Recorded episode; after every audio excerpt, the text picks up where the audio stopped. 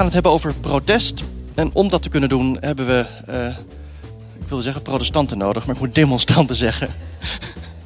uh, en mensen die daar ook over willen nadenken. Want dat is het, uh, is, is, is, is het thema van de avond. Nadenken over een praktijk die door sommigen als niet normaal wordt gezien. En dan ook in de negatieve zin niet normaal. Met mensen die daar ruime ervaring mee hebben. En die er ook over nagedacht hebben. Dus we gaan reflecteren en kijken van waarom, waarom zoek je welke grens wel op, niet op.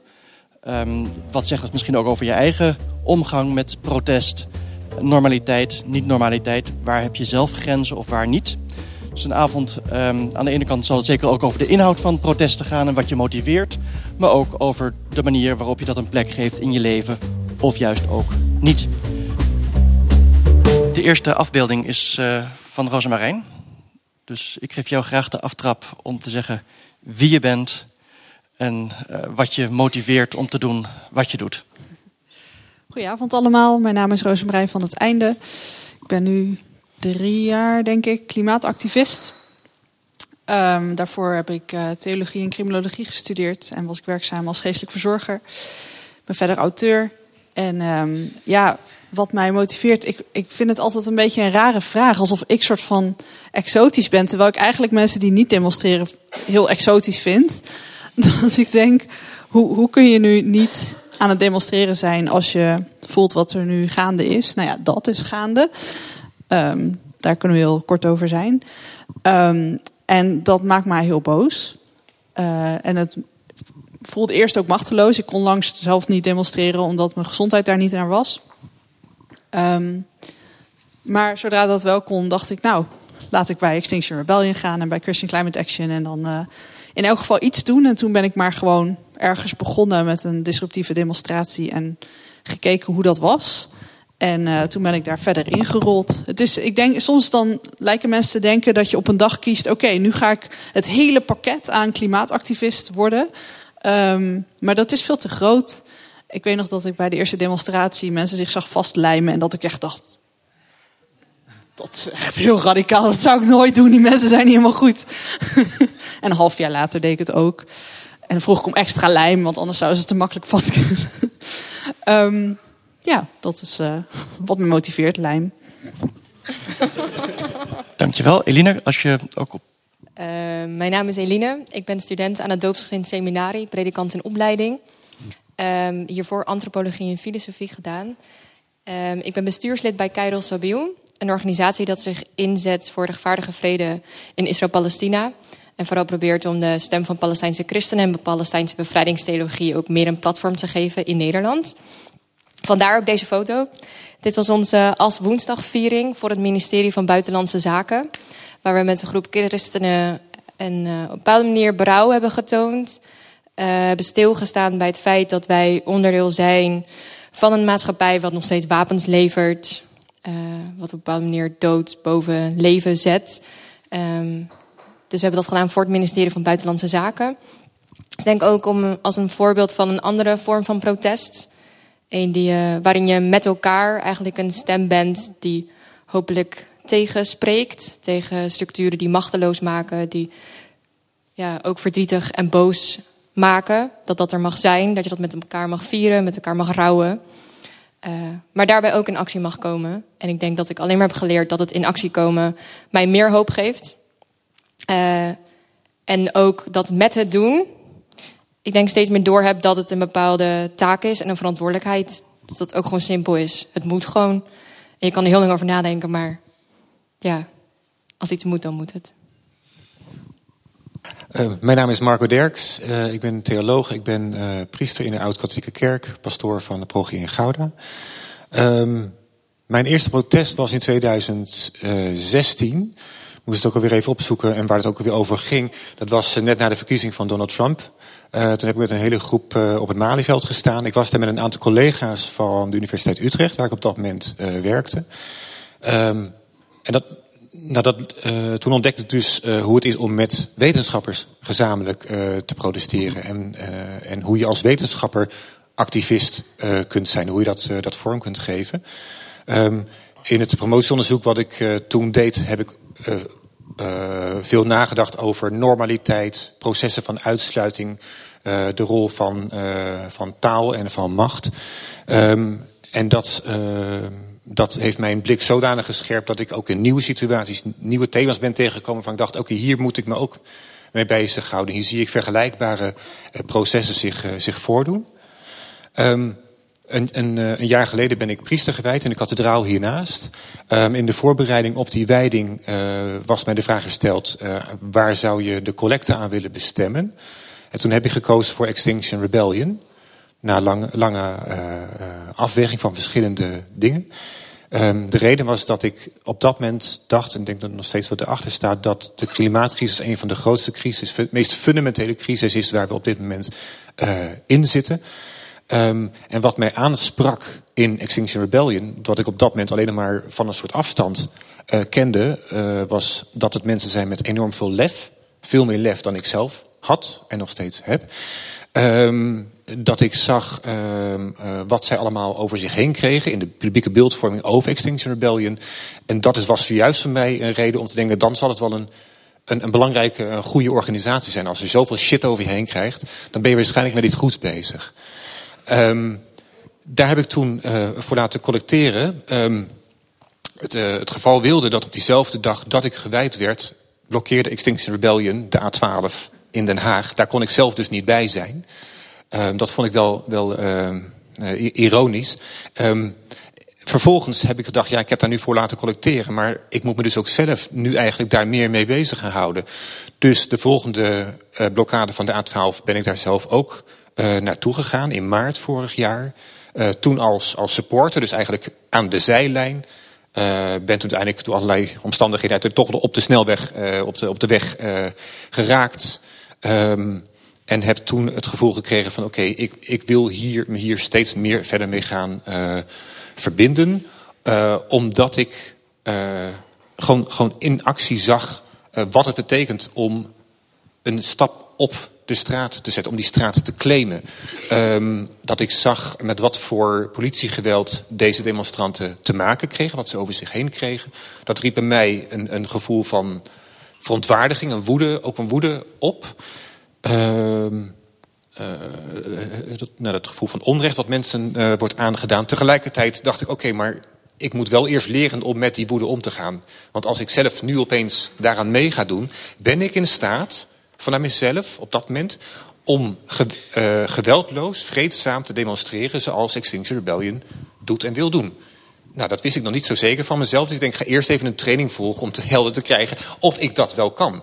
Kan wel beweren dat ik geweldloos ben, maar ik ken mezelf een beetje. Um, dus daar ben ik uh, naar zo'n training gegaan en um, ben ik uh, uiteindelijk dus ook een aantal keren mee gaan, demonstreren.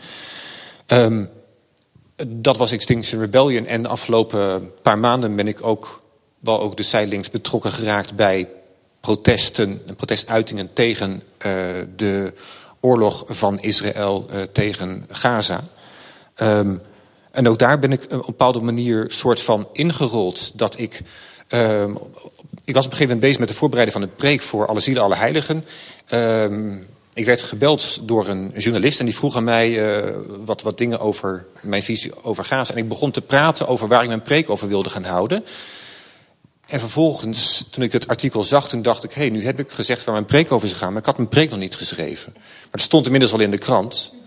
Dus toen dacht ik, oké, nou, dus moet ik nu daar inderdaad over gaan preken. En in die preek heb ik geprobeerd de thematiek van het noemen van de namen van, van overledenen proberen te verbinden met het noemen van de namen van slachtoffers in Gaza.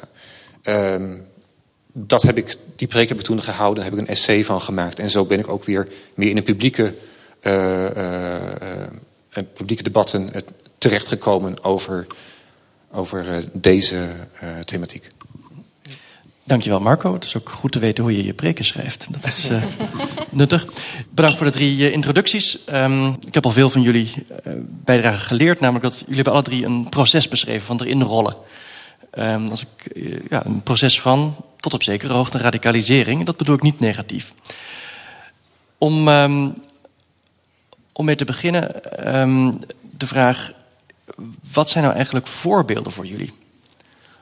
Je laat je door iets inspireren of iets pakken? Ehm, zijn er mensen, zijn er bewegingen waarvan je zegt van nee, dat is echt iets waar ik me aan optrek, waar ik me door laat inspireren, of waar ik ook uh, legitimatie in vind voor dat wat ik, uh, wat ik doe? Um, Rosemarijn, je hebt een tijdje niks gezegd, dus wil jij er eh, als eerste op ingaan? Ja, dit is dan zo'n vraag dat ik dan thuis kom en ik denk, oh, ik had die moeten zeggen.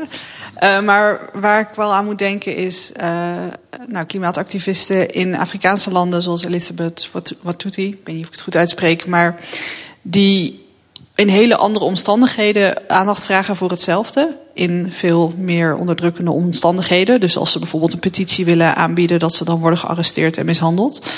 Um, ik dan, dan denk ik wel, oh ja, wat wij hier doen, we hebben te maken met politiegeweld. Maar uiteindelijk weet je wel dat het binnen bepaalde kaders blijft.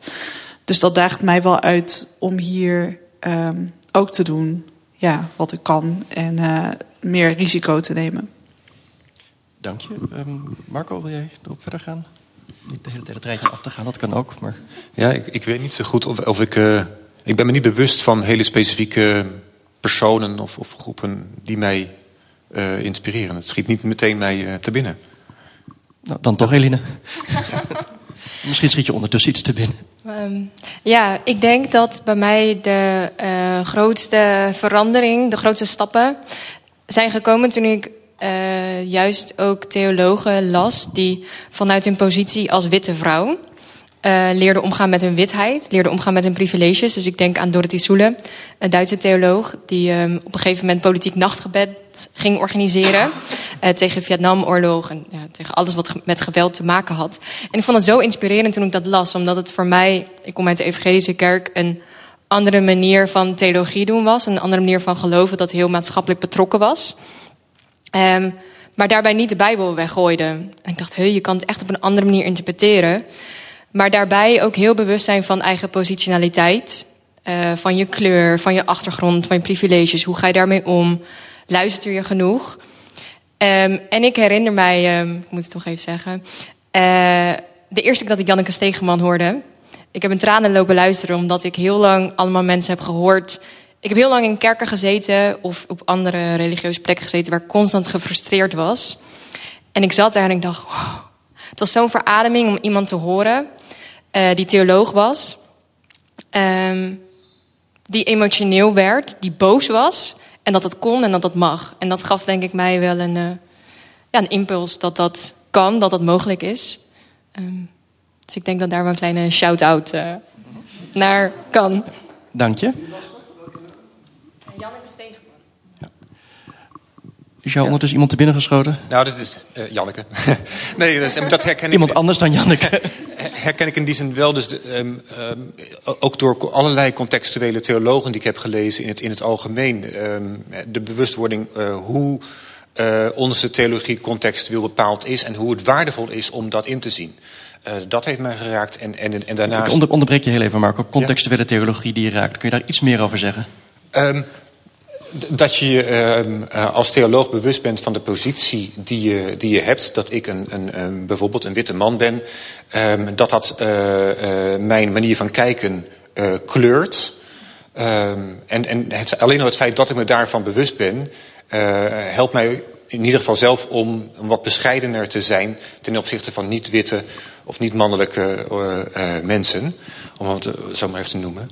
Um, en, en, en verder, wat jij zegt net over, over hoe, hoe, hoe Janneke uh, kan, kan spreken. Wat ik bijvoorbeeld heel innig haar bewonder is de, uh, de, de, kwetsbaarheid die zij een, een, een constructieve plek kan geven in, in hoe zij theologiseert. Dat vind ik ook heel, uh, heel knap. De kwetsbaarheid vind ik een hele belangrijke waarde. Ja. Dank je.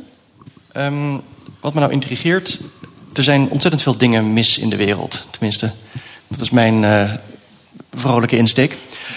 Uh, misschien denkt het is allemaal in orde. Er zijn zo ontzettend veel dingen waarover je je kunt, uh, kunt opwinden. Ik heb er nu net twee gehoord. Uh, de oorlog uh, in, in de Gazastrook en klimaat. Ho hoe kies je? Ja, wat klimaat betreft vind ik het eigenlijk best wel makkelijk. Omdat dat gelijk de allergrootste gezondheidscrisis is. De allergrootste veiligheidscrisis. De allergrootste natuurcrisis. Of nou ja, misschien dat er nog andere, dat uitsterven van soorten ook wel groot is. Maar dat hangt ook wel weer samen. Daar komt eigenlijk alles in samen. En ook het heeft te maken met ongelijkheid.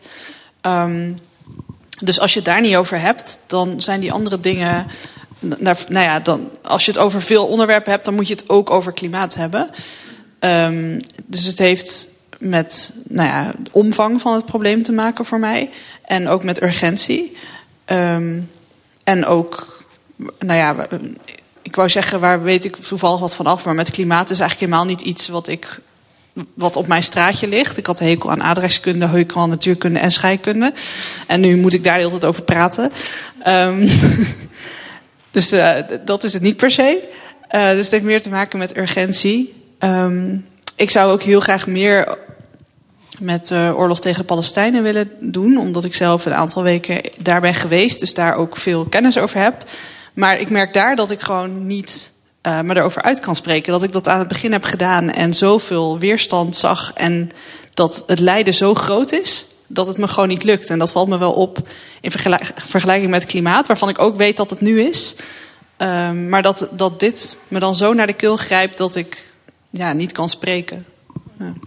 Maar om je een beetje uit te dagen, ik zou een ander thema kunnen noemen: um, godsdienstvrijheid. Dat is ook iets waar je uitstekend voor kunt inzetten. Je bent theoloog, je bent pastor, je hoort bij een traditieleger des Heils, of je werkt voor een traditieleger des Heils, als ik me niet vergis, die lang gemarginaliseerd is. Of armoede. Um, waarom, waarom klimaat? Nou, armoede heeft ook met klimaat te maken, omdat de rijke landen de veroorzakers zijn van de crisis. Om nog even, ja. Natuurlijk, alles, alles heeft met klimaat ja. te maken. maar, maar is, is ik mogelijk... denk als, als, als er geen klimaatcrisis was, uh, dat ik me dan met al dat soort thema's bezig zou houden. Godsdienstvrijheid um, is niet iets wat me per se heel erg aanspreekt. Misschien ook omdat ik de christenen die ik zie, die zich daar heel erg voor inzetten, die zijn eigenlijk alleen bezig met vrijheid voor christenen. En dat maakt mij heel recalcitrant. Dan wil ik het helemaal niet meer over hebben. Um, maar goed, dat is niet heel constructief. dus ik ben niet, heel, uh, niet echt uh, voorbeeldig wat dat betreft. Maar ja, ik word er altijd een beetje ongemakkelijk van. Als, het dan, als dan mensen heel erg zijn voor godsdienstvrijheid, maar dan is het eigenlijk vooral tegen moslims. En dan, ja, dus dan staat er op zo'n grote christelijke site iets over christenvervolging in Nigeria, die dan door moslims zou gebeuren, maar niks over moslimvervolging. En dan, ja, dan uh, houdt het voor mij wel weer op. Dus ik ben ook niet in contact gekomen met mensen die dat doen op een manier waarvan ik denk, ja, hier wil ik ook aan meedoen. Maar ik vind het wel heel belangrijk. Zijn één of twee organisaties te verzinnen, maar dankjewel. Eline, waarom... Uh, nou, je hebt twee keuzes gemaakt eigenlijk. Je bent het meest inclusief. Nou, Marco ook trouwens. Um, waarom heb je de keuzes gemaakt die je hebt gemaakt? Of is het geen keuze, is het je meer overkomen? Uh, deels, denk ik. Ik denk uh, twee dingen die voor mij belangrijk zijn... is en vooral je niet laten verlammen door de grootheid van alle dingen die er gebeuren. Op een gegeven moment is het ook gewoon doen...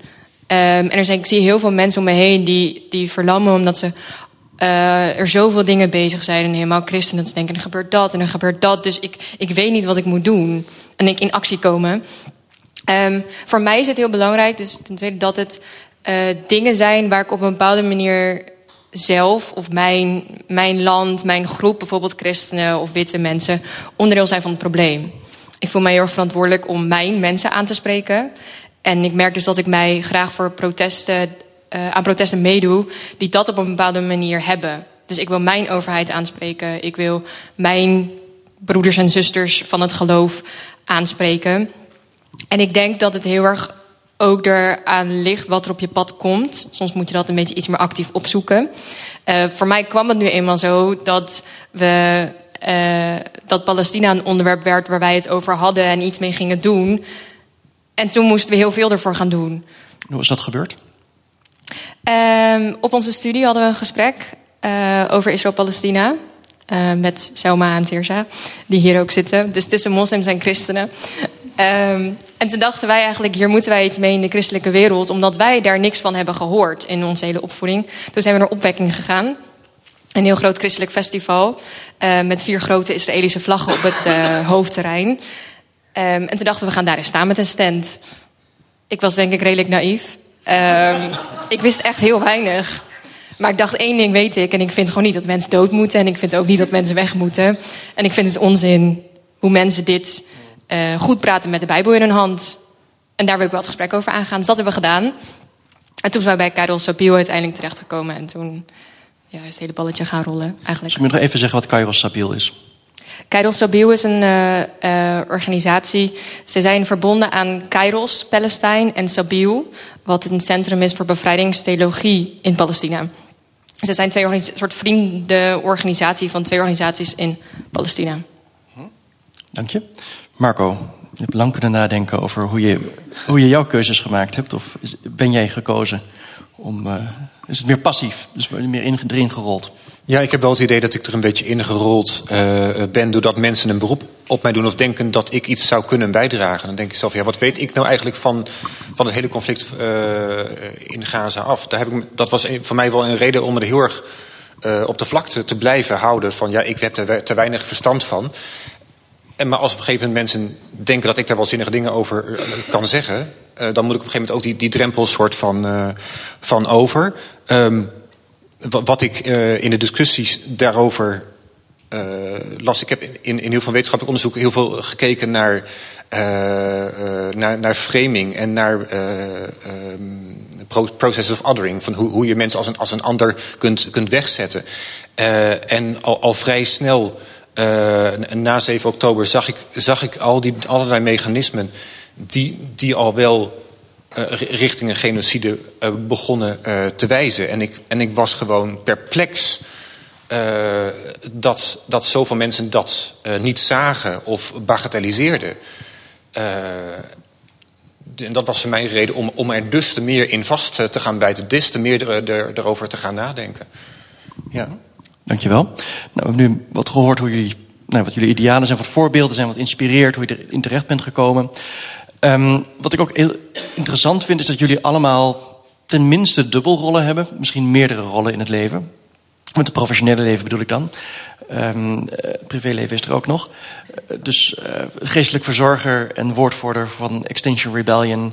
Um, student theologie, activist en coördinator van een internationaal uitwisselingsprogramma. Dat is Eline, Um, dat weet ik heel goed, omdat we samenwerken aan de VU. Dat is in het kader van de transparantie.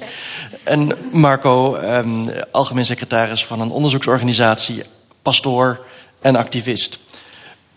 Hoe ga je om met de verschillende verantwoordelijkheden? Want in alle drie de gevallen heb je aan de ene kant de verantwoordelijkheid van, voor een gemeenschap. Je moet pastorale zorg kunnen verlenen, je moet er voor iedereen in gelijke mate kunnen zijn. En tegelijkertijd kies je ervoor om heel gepanteerd naar buiten te treden. Uh, dat moet tot spanningen leiden. dus ik geloof het niet wanneer het niet tot spanningen leidt. En ik ben heel benieuwd hoe jullie daarover nadenken... of hoe je, vooral hoe je ermee omgaat. Um, Marco, je hebt de microfoon vast, dus je mag ja. wat mij betreft gelijk verder. Dan um, rijd je de andere kant op af. Ja, um, ik heb het idee dat... dat ik, ik zie mezelf in soort dingen, zowel als, als wetenschapper als als geestelijke. En ik zie dat ik als wetenschapper heb ik het gevoel dat ik, dat ik iets meer vrijheid heb. Het heeft ook wel te maken met de manier waarop je wetenschapper kunt zijn. Dat je meer je, je eigen onderzoeksthema's uh, uh, uh, kiest. kritisch denken, wetenschappelijke vrijheid is daarin heel belangrijk.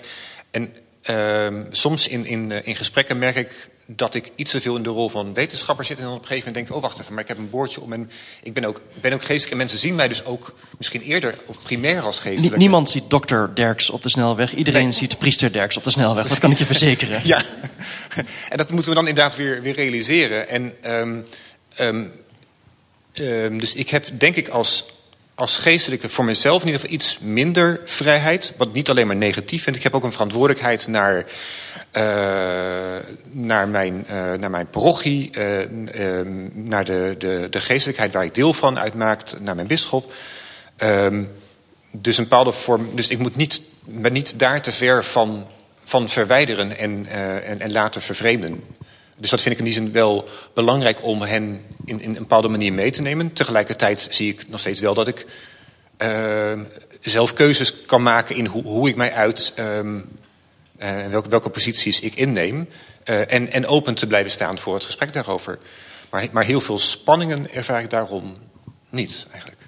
-huh. Dank je. Eline. Um, ik denk in mijn werk als programmacoördinator voor een internationaal uitwisselingsprogramma, waarbij theologiestudenten vanuit de hele wereld voor drie maanden naar Amsterdam komen. Uh, met een focus op culturele, interculturele theologie en contextuele theologie. Uh, ik ben programmacoördinator, dus dat betekent dat ik die drie maanden dat de studenten hier zijn, uh, de groep begeleid. En met hun lessen heb, op excursies ga. Ze gaan op kerkbezoeken. Ik merk dat ik daar juist meer in een soort lerende houding zit. Dus hoor, wil luisteren naar wat mensen zeggen. ook omdat ik me daar bewust ben van mijn positie heel erg heb geleerd dat ik een witte vrouw ben uit Nederland. Uh, wat bepaalde associaties oproept bij mensen. Dus dat ik ook niet te snel mijn mening moest gaan zeggen, omdat dat nog wel eens wat weerstand opriep. Um, als student,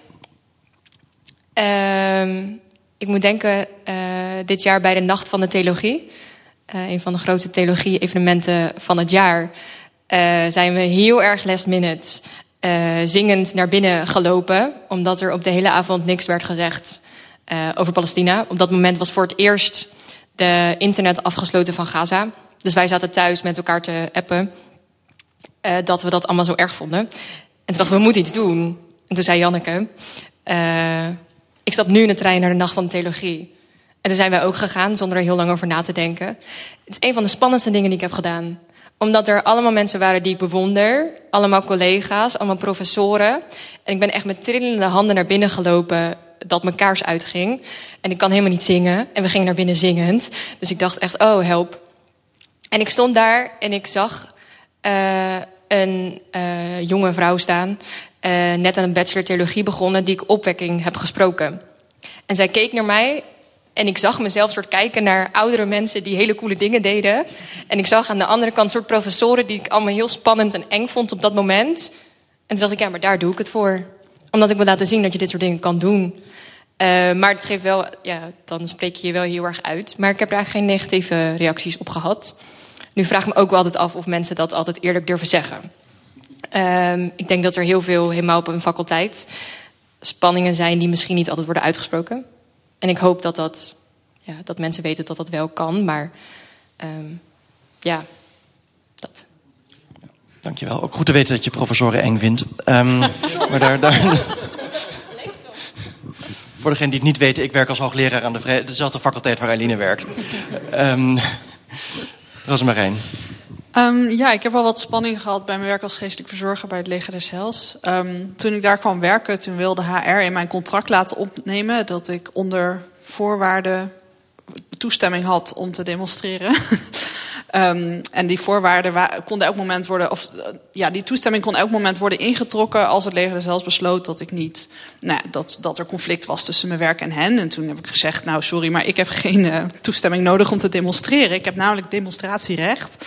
Um, dus, nou ja, ik heb daar heel lang over moeten bakkeleien. Um, dat was echt heel spannend ook om te doen. Omdat, maar ik dacht, ja, ik ga niet, zeg maar, demonstreren gaat boven alles. En dat heb ik bij mijn sollicitatie duidelijk gemaakt.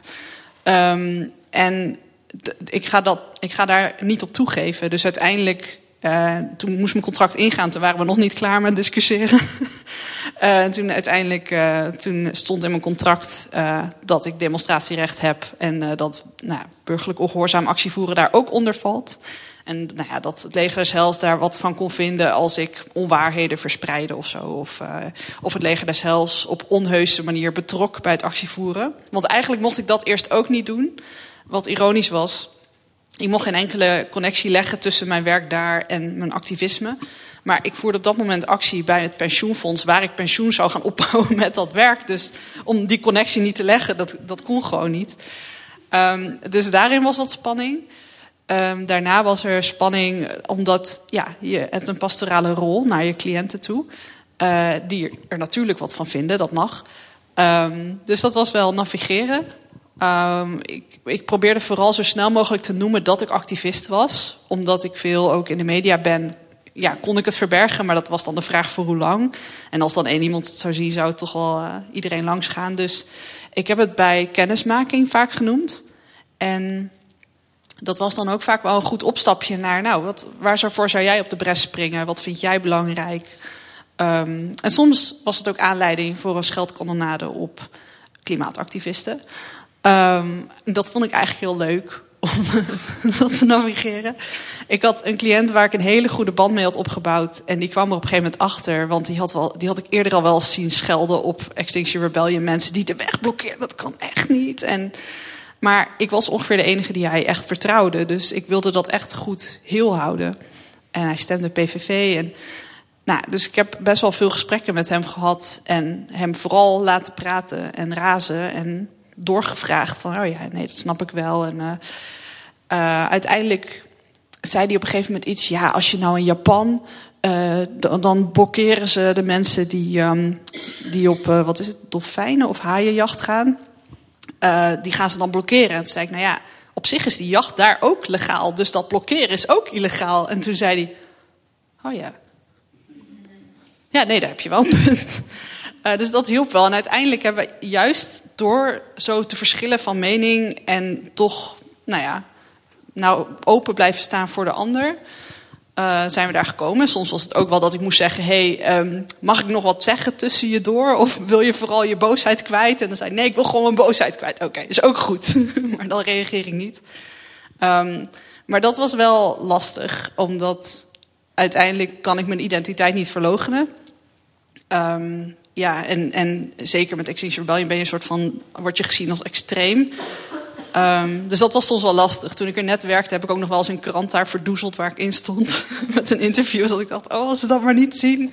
Maar later dacht ik, oh, kom maar op. Ja, het liep, eigenlijk werkt het meestal wel goed uit. Dankjewel. Um, trouwens, als u om u heen kijkt op dit moment, um, dan ziet u ook een plek die 1638 of 1628, een van tweeën, gesticht is als een plek van burgerlijke ongehoorzaamheid. Deze plek mocht er niet zijn. Het is namelijk een katholiek godshuis in een toen formeel protestantse stad. Er zijn door sommige mensen kennen de theoloog um, Voetius. Die was sommigen kennen hem niet. Hoge pief in de protestantse traditie was toen hoogleraar aan de Universiteit Utrecht. Die heeft processen aangespannen tegen de pastoor Johannes Wachtelaar, die dit had ingericht. Dus als u denkt, protest, moi, dat wat mag. Soms denk ik dat trouwens zelf ook tamelijk hard. Um, um, maar dat is niet mijn rol hier om daarover te hebben. U bent hier ook op een plek die er niet mag zijn. Of die er eeuwenlang niet mocht zijn. Goed, dat was een intermezzo. Zometeen na de ster gaan we verder. Wat mij nog uh, intrigeert is een ander aspect. Net gehad over de spanning die er kan zijn. Zou kunnen zijn, die je ook wel hebben meegemaakt. Tussen je activisme en je nou ja, meer pastorale taken, als ik dat breed opvat. Um, wat voor inspiratie halen jullie nu uit de geloofstraditie waar je in staat? Of denk je van, nou ja. Kijk. Lichaamstaal is ook taal. um, ik ben opgegroeid in de Evangelische Kerk. Uh, en ik studeer dus nu aan het doopsgezind seminarie. Ik ben niet doopsgezind. Dan zegt de helft altijd, dat word je wel. Uh, dat zullen we zien. Uh, wat voor inspiratie ik daaruit hou. Ik denk dat ik heel erg heb geleerd dat hoe je de Bijbel leest en hoe je je geloof benadert een keuze is. Um, dus helemaal als je het ook hebt over contextuele theologie.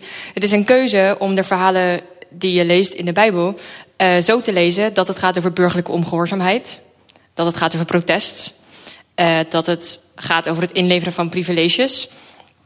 Um, en ik denk dat helemaal in de kerk waar ik ben opgegroeid dat heel lang verdoezeld werd. Uh, en het niet over ging.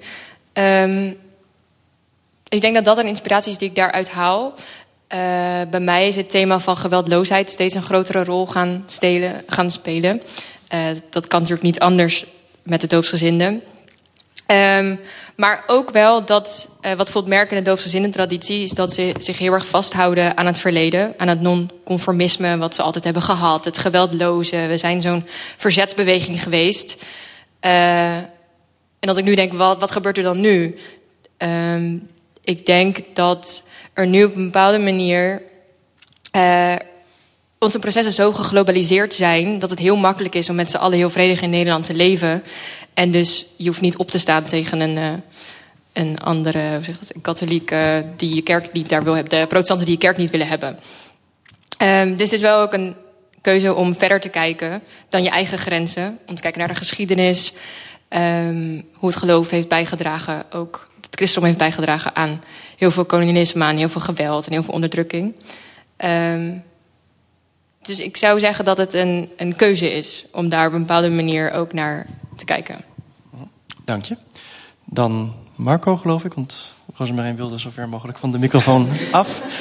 Over wat voor inspiratie haal je uit de traditie waar je in staat? Um, nou, wat je net, net al wel noemde, van dat oud-katholieken um, ook in de traditie een, ervaring hebben van, van uitsluiting, van marginalisering.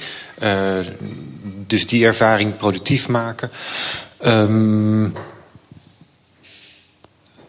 verder de, de, de, profetische, de profetische stem in de, in de Bijbel. Het, um, aan de kaak stellen van vormen van onrecht. Um, het besef dat we uh, onderdeel zijn van een, uh, een bredere schepping waarin de mens niet, uh, niet, die, die niet daarboven staat, maar die daar een essentieel onderdeel van vormt. En tegelijkertijd heb ik daarbij dus wel de, de kritische theologie nodig om, om dat beeld naar boven te krijgen. Dat om, om dus ook een beeld te corrigeren van, de, van een heel mens centraal stellend vorm van theologie. Uh, dat bekritiseren uh, uh, met uh, inspiratie uit de, de brede kerkelijke traditie. Dank je. Rosemarijn, nu mag jij. Nou, ik dacht wel echt, ik was al lang aan het woord. Maar het is wel waar dat ik iets moeite heb met deze vraag. Um, om bij het positieve te beginnen. Ik, ik heb veel meegekregen. Ik denk iedereen die opgroeit met de Bijbel... Um, over je leven in dienst stellen voor Gods koninkrijk. Um, en, en daarin ook te wagen. Uh, niet bang te zijn om iets te verliezen. Um, en ik denk dat dat me heel erg heeft gevormd. En om gericht te zijn op mijn naasten. Um, maar nou ja, zoals bij jullie ook wel een beetje doorklinkt, is de, is de witte westerse theologie daar niet altijd heel erg ja, behulpzaam in, wat mij betreft. En ben ik vooral heel erg aan het worstelen met mijn eigen traditie. Want het is mijn traditie, maar als ik dan kijk naar wat de meeste mensen in mijn traditie doen, dan wil ik een beetje in een hoekje kruipen. En ja, ik, dat, dat vind ik zo vreselijk. Helemaal als het aankomt op Palestina, dan. Ik, ik wil soms bijna mijn vel van me afscheuren, omdat ik niet kan bevatten dat je zo denkt. En dat denk dit zijn mensen die dezelfde traditie hebben als ik. En die willen gewoon, nou ja, zoals jij al zei, dat, dat mensen. Eigenlijk zeggen ze dat mensen dood mogen gaan en dat dat uh, goed is. Um, ja, ik, ik vind het dan heel lastig om daar altijd inspiratie uit te halen. En uh, dat betekent niet dat als ik naar de kerk ga, dat ik het dan niet fijn vind. Maar en gewoon de lauwheid die er in veel kerken is, ik kan daar heel slecht tegen. Dus um, ik voel me soms een beetje ontworteld in mijn eigen traditie. Um, dan is het wel weer fijn om met de rebellen van Christian Climate Action te zijn, omdat die uh, nou, gemiddeld wel hetzelfde voelen. Um, voor, voor, ons beeld, als je zegt mijn traditie, bedoel je? Nou, eigenlijk de hele christelijke traditie. Hele christelijke maar traditie. Dus er, zijn vast uithoekjes waar ik me nog wel. Uh, maar de gemiddelde brede christelijke beweging, dan, dan dat vind ik wel lastig. Dat ik denk, nou, ik zie de Bijbel zo anders. En, en iedereen ziet dit. De meeste mensen gaan toch die kant op naar de ondergang of naar de verwoesting van levens, de verwoesting van de aarde. Um, dat beneemt me ook wel de adem soms. Ja. Dankjewel. Um, twee van jullie hebben nu net de Bijbel genoemd. En is ook, wordt zo langzamerhand tijd om over te schakelen naar het gesprek met, uh, met iedereen. Maar ik had nog wel um, als leuke overgang bedacht dat ik drie Bijbelteksten had uitgezocht. Um, waarvan ik me kan voorstellen dat jullie er veel over hebben nagedacht. omdat ze richtingen opgaan die, uh, tenminste in veel interpretaties, die tegenovergesteld zijn aan de richting die, die jullie opgaan. Uh, eentje komt uit Romeinen 13. Alle gezag is van God. En wie tegen het, zich tegen het gezag verzet, verzet zich tegen God. Een tweede komt uit Matthäus 5, vers 9. Zalig zijn de vredestichters. En het derde uit Johannes 18. Mijn koninkrijk, zegt Jezus, is niet van deze wereld. Um, zalig zijn de vredestichters vanwege de dopsgezinde traditie is voor Eline. Mijn koninkrijk is niet van deze wereld, is voor Rosa Marijn. En alle gezag van God, is voor Marco. Altijd graag. ik bedoel het niet flauw, maar ik bedoel het wel als... Um, er, er zijn... Jullie staan duidelijk voor een bepaalde stroming in de christelijke traditie. Tegelijkertijd weten jullie ook, of is, als ik het niet weet, dan zeg ik het nu... is de christelijke traditie breder dan dat. Er, is, uh, er zijn tegenstemmen die zich ook op bijvoorbeeld deze drie versen beroepen. Dus ik ben oprecht benieuwd hoe jullie naar dit soort teksten kijken. Er zijn natuurlijk allerlei strategieën van... Nou ja, dat stukje van de Bijbel doen we maar even niet dat komt voor. Of nee, ik heb er een hele andere interpretatie van. Of um, ik vind andere elementen in de Bijbelse boodschap veel belangrijker. En daarom verdwijnen deze teksten naar de, naar de marge. Jullie zijn alle drie theologen, vandaar dat ik jullie ook zo durf durf te bevragen. Ook vanuit het vermoeden dat deze teksten wel eens op jullie zijn afgevuurd. Ja, zeker. Je brengt het ook alsof van, oeh, dan gaan jullie het moeilijk hebben. Dit zijn hele controversiële teksten, maar ik zie in geen... Ik ben een Nieuw Testamenticus, dus ik kan je leven heel moeilijk maken. dat, dat, is ja, niet mijn taak vanavond. Ik zie, ik zie vooralsnog in geen van deze teksten een probleem, maar daar gaan we het vast allemaal over hebben. Ja. Je, had, je, had, er eentje, hè? Mijn koninkrijk is niet van deze wereld. dat zal me beperken. Die van mij was niet van deze wereld, toch? Mijn koninkrijk, zegt Jezus, ja. is niet van deze wereld. Nou, dan gaan we even terug naar deze. Gods koninkrijk is niet van deze wereld. Van deze wereld die dat mannetje is. Um, Gods koninkrijk is niet van deze kapitalistische, kolonialistische wereld. Gods koninkrijk is iets waar wij met z'n allen aan bouwen. En wat er nu niet is. Um, ja, ik, ik zie de spanning niet zo. Um, ik zie hem wel, maar ik laat het hier even bij. en ik uh, ben benieuwd wat uh, Eline maakt van de Vredestichters. Hoe gaat het met je contextuele bijbelinterpretatie, Peter Ben? Uitstekend. Maar zit, ik, heb ook, ik heb verschillende zielen in mijn borst op dit punt. Dus... Ik zit echt heel hard te zoeken naar een probleem met de tekst Zalig zij de Vredestichters. Um, ja, ik wou net zeggen, volgens mij zit er een bepaalde... Verstoren de, als ja, ik, als ik verstoren de vrede. Dat is de duivel spelen.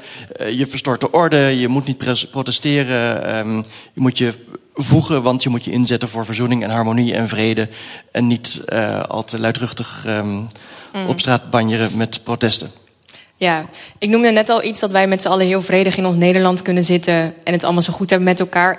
Waarbij dan ook een heel groot deel van de problemen in Nederland, denk ik... te snel... Uh, aan de zijkant schuift. Um, vrede is niet dat je. Oké, in de geloofstraditie waar ik ben opgegroeid, dus de Evangelische Kerk, hadden we het heel vaak over vrede. Uh, vrede in je hart, vrede tussen jou en God, dat het allemaal zo goed gaat. Wat totaal losstaat van de wereld. Um, als ik nu nadenk over vrede, dan gaat het ook verder dan dat ik in vrede leef. Dus de vraag is of ik echt in vrede kan leven als er andere mensen nog niet in vrede leven. Dus het is meer dan alleen dat er geen conflict is. Uh, het gaat ook om een bepaalde gelijkheid. Het gaat om het rechtzetten van dingen die verkeerd zijn gedaan, uh, gegaan. Dus dat gaat veel verder. Um, dus soms moet het schuren voordat er vrede komt. Anders denk ik dat er spanningen zijn die later heel erg eruit komen. En ik nodig ook iedereen uit om heel erg in gesprek te gaan met mensen die ze niet vredig vinden. Want ik denk dat dat uh, dat het ook heel erg heeft te maken. Helemaal bijvoorbeeld als je nu kijkt naar Palestina-protesten met heel veel racisme en islam, islamofobie. Dus dat het heel erg is, zijn allemaal van die gewelddadige mensen en het ziet er allemaal zo eng uit. Um, ik denk dat daar veel meer onder zit. Daar kunnen we het straks verder over hebben als iemand dat interessant vindt. Um, dus ik denk dat het ook mensen willen heel graag natuurlijk zich vervreemden en dat anders maken, waar Marco het even over had, van dingen uh, die je aanspreken. Dus aan niet je, je aanspreken, uh, je confronteren. Uh, het is heel makkelijk om dan mensen in een hoekje te zetten, in een hoekje te zetten. En um, ik denk dat heel veel mensen die uiteindelijk met activisten in gesprek gaan, merken dat het niet zulke gewelddadige mensen zijn als dat ze als het beeld wat ze hebben. We zullen het zo merken, want zometeen gaan we met de hele zaal in, uh, in gesprek. Dankjewel. Ik kan bijna zeggen, kom maar. maar dat, kom maar. Kom maar. Goed. Tijd dat je de microfoon doorgeeft aan Marco. Um, alle gezag is van God. Um, en wie zich tegen het gezag verzet, verzet zich tegen God. Ja, dus de, de, Paulus doet nog even een schepje bovenop. Ja, dus de, de, de belangrijke vraag dan is: van wat, wordt, wat bedoelt Paulus precies wanneer hij het heeft over gezag, over exousia? het woord exousia heeft heel veel verschillende betekenissen. Dat kan uh, uh, macht, vrijheid, gezag, ges, het, het gebruik van, van geweld of het inzetten van, uh, van, van geweld.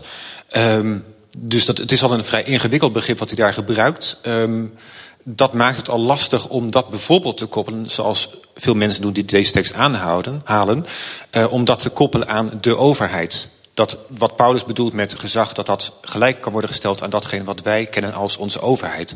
Het tweede is dat wij niet met één overheid te maken hebben, maar ook met een nationale overheid, met een lokale overheid, met internationale uh, uh, verdragen. Dus overheid is, is al gelaagd. Een derde punt is dat wij te maken hebben met een trias politica. Dus datgene wat in elkaar zat in de tijd van Paulus, is bij ons uit elkaar getrokken. Um, en wanneer je dan bijvoorbeeld zegt, het alle gezag is van God, dan gaat het dus ook over het gezag van een rechter. En als een rechter een uitspraak doet, dan moet onze overheid zich ook aan, aan die uitspraak houden. Dus, de, dus er is niet een eenduidig uh, gezag aan te wijzen in onze hedendaagse westerse samenleving, die je als het gezag van God zou kunnen uh, bestempelen. Ik vind het altijd heel ironisch als mensen dan Romeinen 13 op je afvuren om te zeggen: jij overtreedt de wet en dat mag niet, want daar staat dat je de overheid moet gehoorzamen. Um, dan vind ik het altijd grappig om te bedenken dat Paulus regelmatig zelf de wet overtrad door andere mensen te bekeren tot het christendom. Dus dat zet misschien wat hij wilde zeggen in een ander licht. Uh, wat hij bijvoorbeeld bedoeld kan hebben is: ga niet rel schoppen en zomaar een beetje alles in elkaar uh, slaan. Gewoon omdat je denkt, oh, ik hoor bij God en niet bij deze overheid. Dus dat je in het algemeen wel aan regels moet houden. Maar in elk geval vond Paulus dus ook wel dat daar uitzonderingen op waren. In ieder geval um, zat Paulus met enige regelmaat in de gevangenis. Daar kunnen we het over eens zijn. Heel hartelijk dank, Rosemarijn, Eline en Marco, voor het gesprek met elkaar, um, met de zaal. Ik moet zeggen, ik heb één ding is me niet gelukt namelijk jullie het met elkaar oneens te laten zijn. Dat was mijn grote insteek voor vanavond. Misschien nog bij de borrel. Daar gaan we zo meteen uh, aan beginnen. Die duurt tot uh, tien uur, want dan gaat het hier dicht. Um, voordat we afsluiten um, wijs ik nog graag op de volgende avond. Die is op 13 maart. Het is een beetje hetzelfde spelletje als vanavond. Goed nieuws en slecht nieuws. De spreker die op het programma staat, die komt niet. En er komt wel, maar er komt wel een andere spreker die nog niet allerdefinitiefst bevestigd is. Als u wil weten wie dat is, um, bij de uitgang ligt er een lijst waar u uw naam op kunt schrijven en uw e-mailadres. Dan krijgt u uh, informatie. Kunt zich ook altijd weer uitschrijven. Ik zou zeggen, doe het. Want uh, deze reeks is erg leuk. Vind ik persoonlijk. Dat is ook reclame, maar is ook mijn persoonlijke mening. Uh, het gaat over de, welke, wat, ja, religie, hoe normaal is dat? En zoals ik zei, u zit hier op een plek waar een religie beleden was... die, werd, die heel lang niet normaal gevonden werd. Dus het is niet dat een, en vandaag de dag kun je afvragen... bij welke religies dat um, ook een rol speelt. Dan, um, we hebben lang moeten nadenken um, wat we jullie zouden kunnen schenken. Want we dachten met een paar dooi afgehakte bloemen doen jullie klimaatactivisten waarschijnlijk geen plezier. En de pastoor wijn geven tijdens de vaste tijd gaat ook niet. Dus jullie krijgen wat anders. Veel dank voor jullie bijdrage.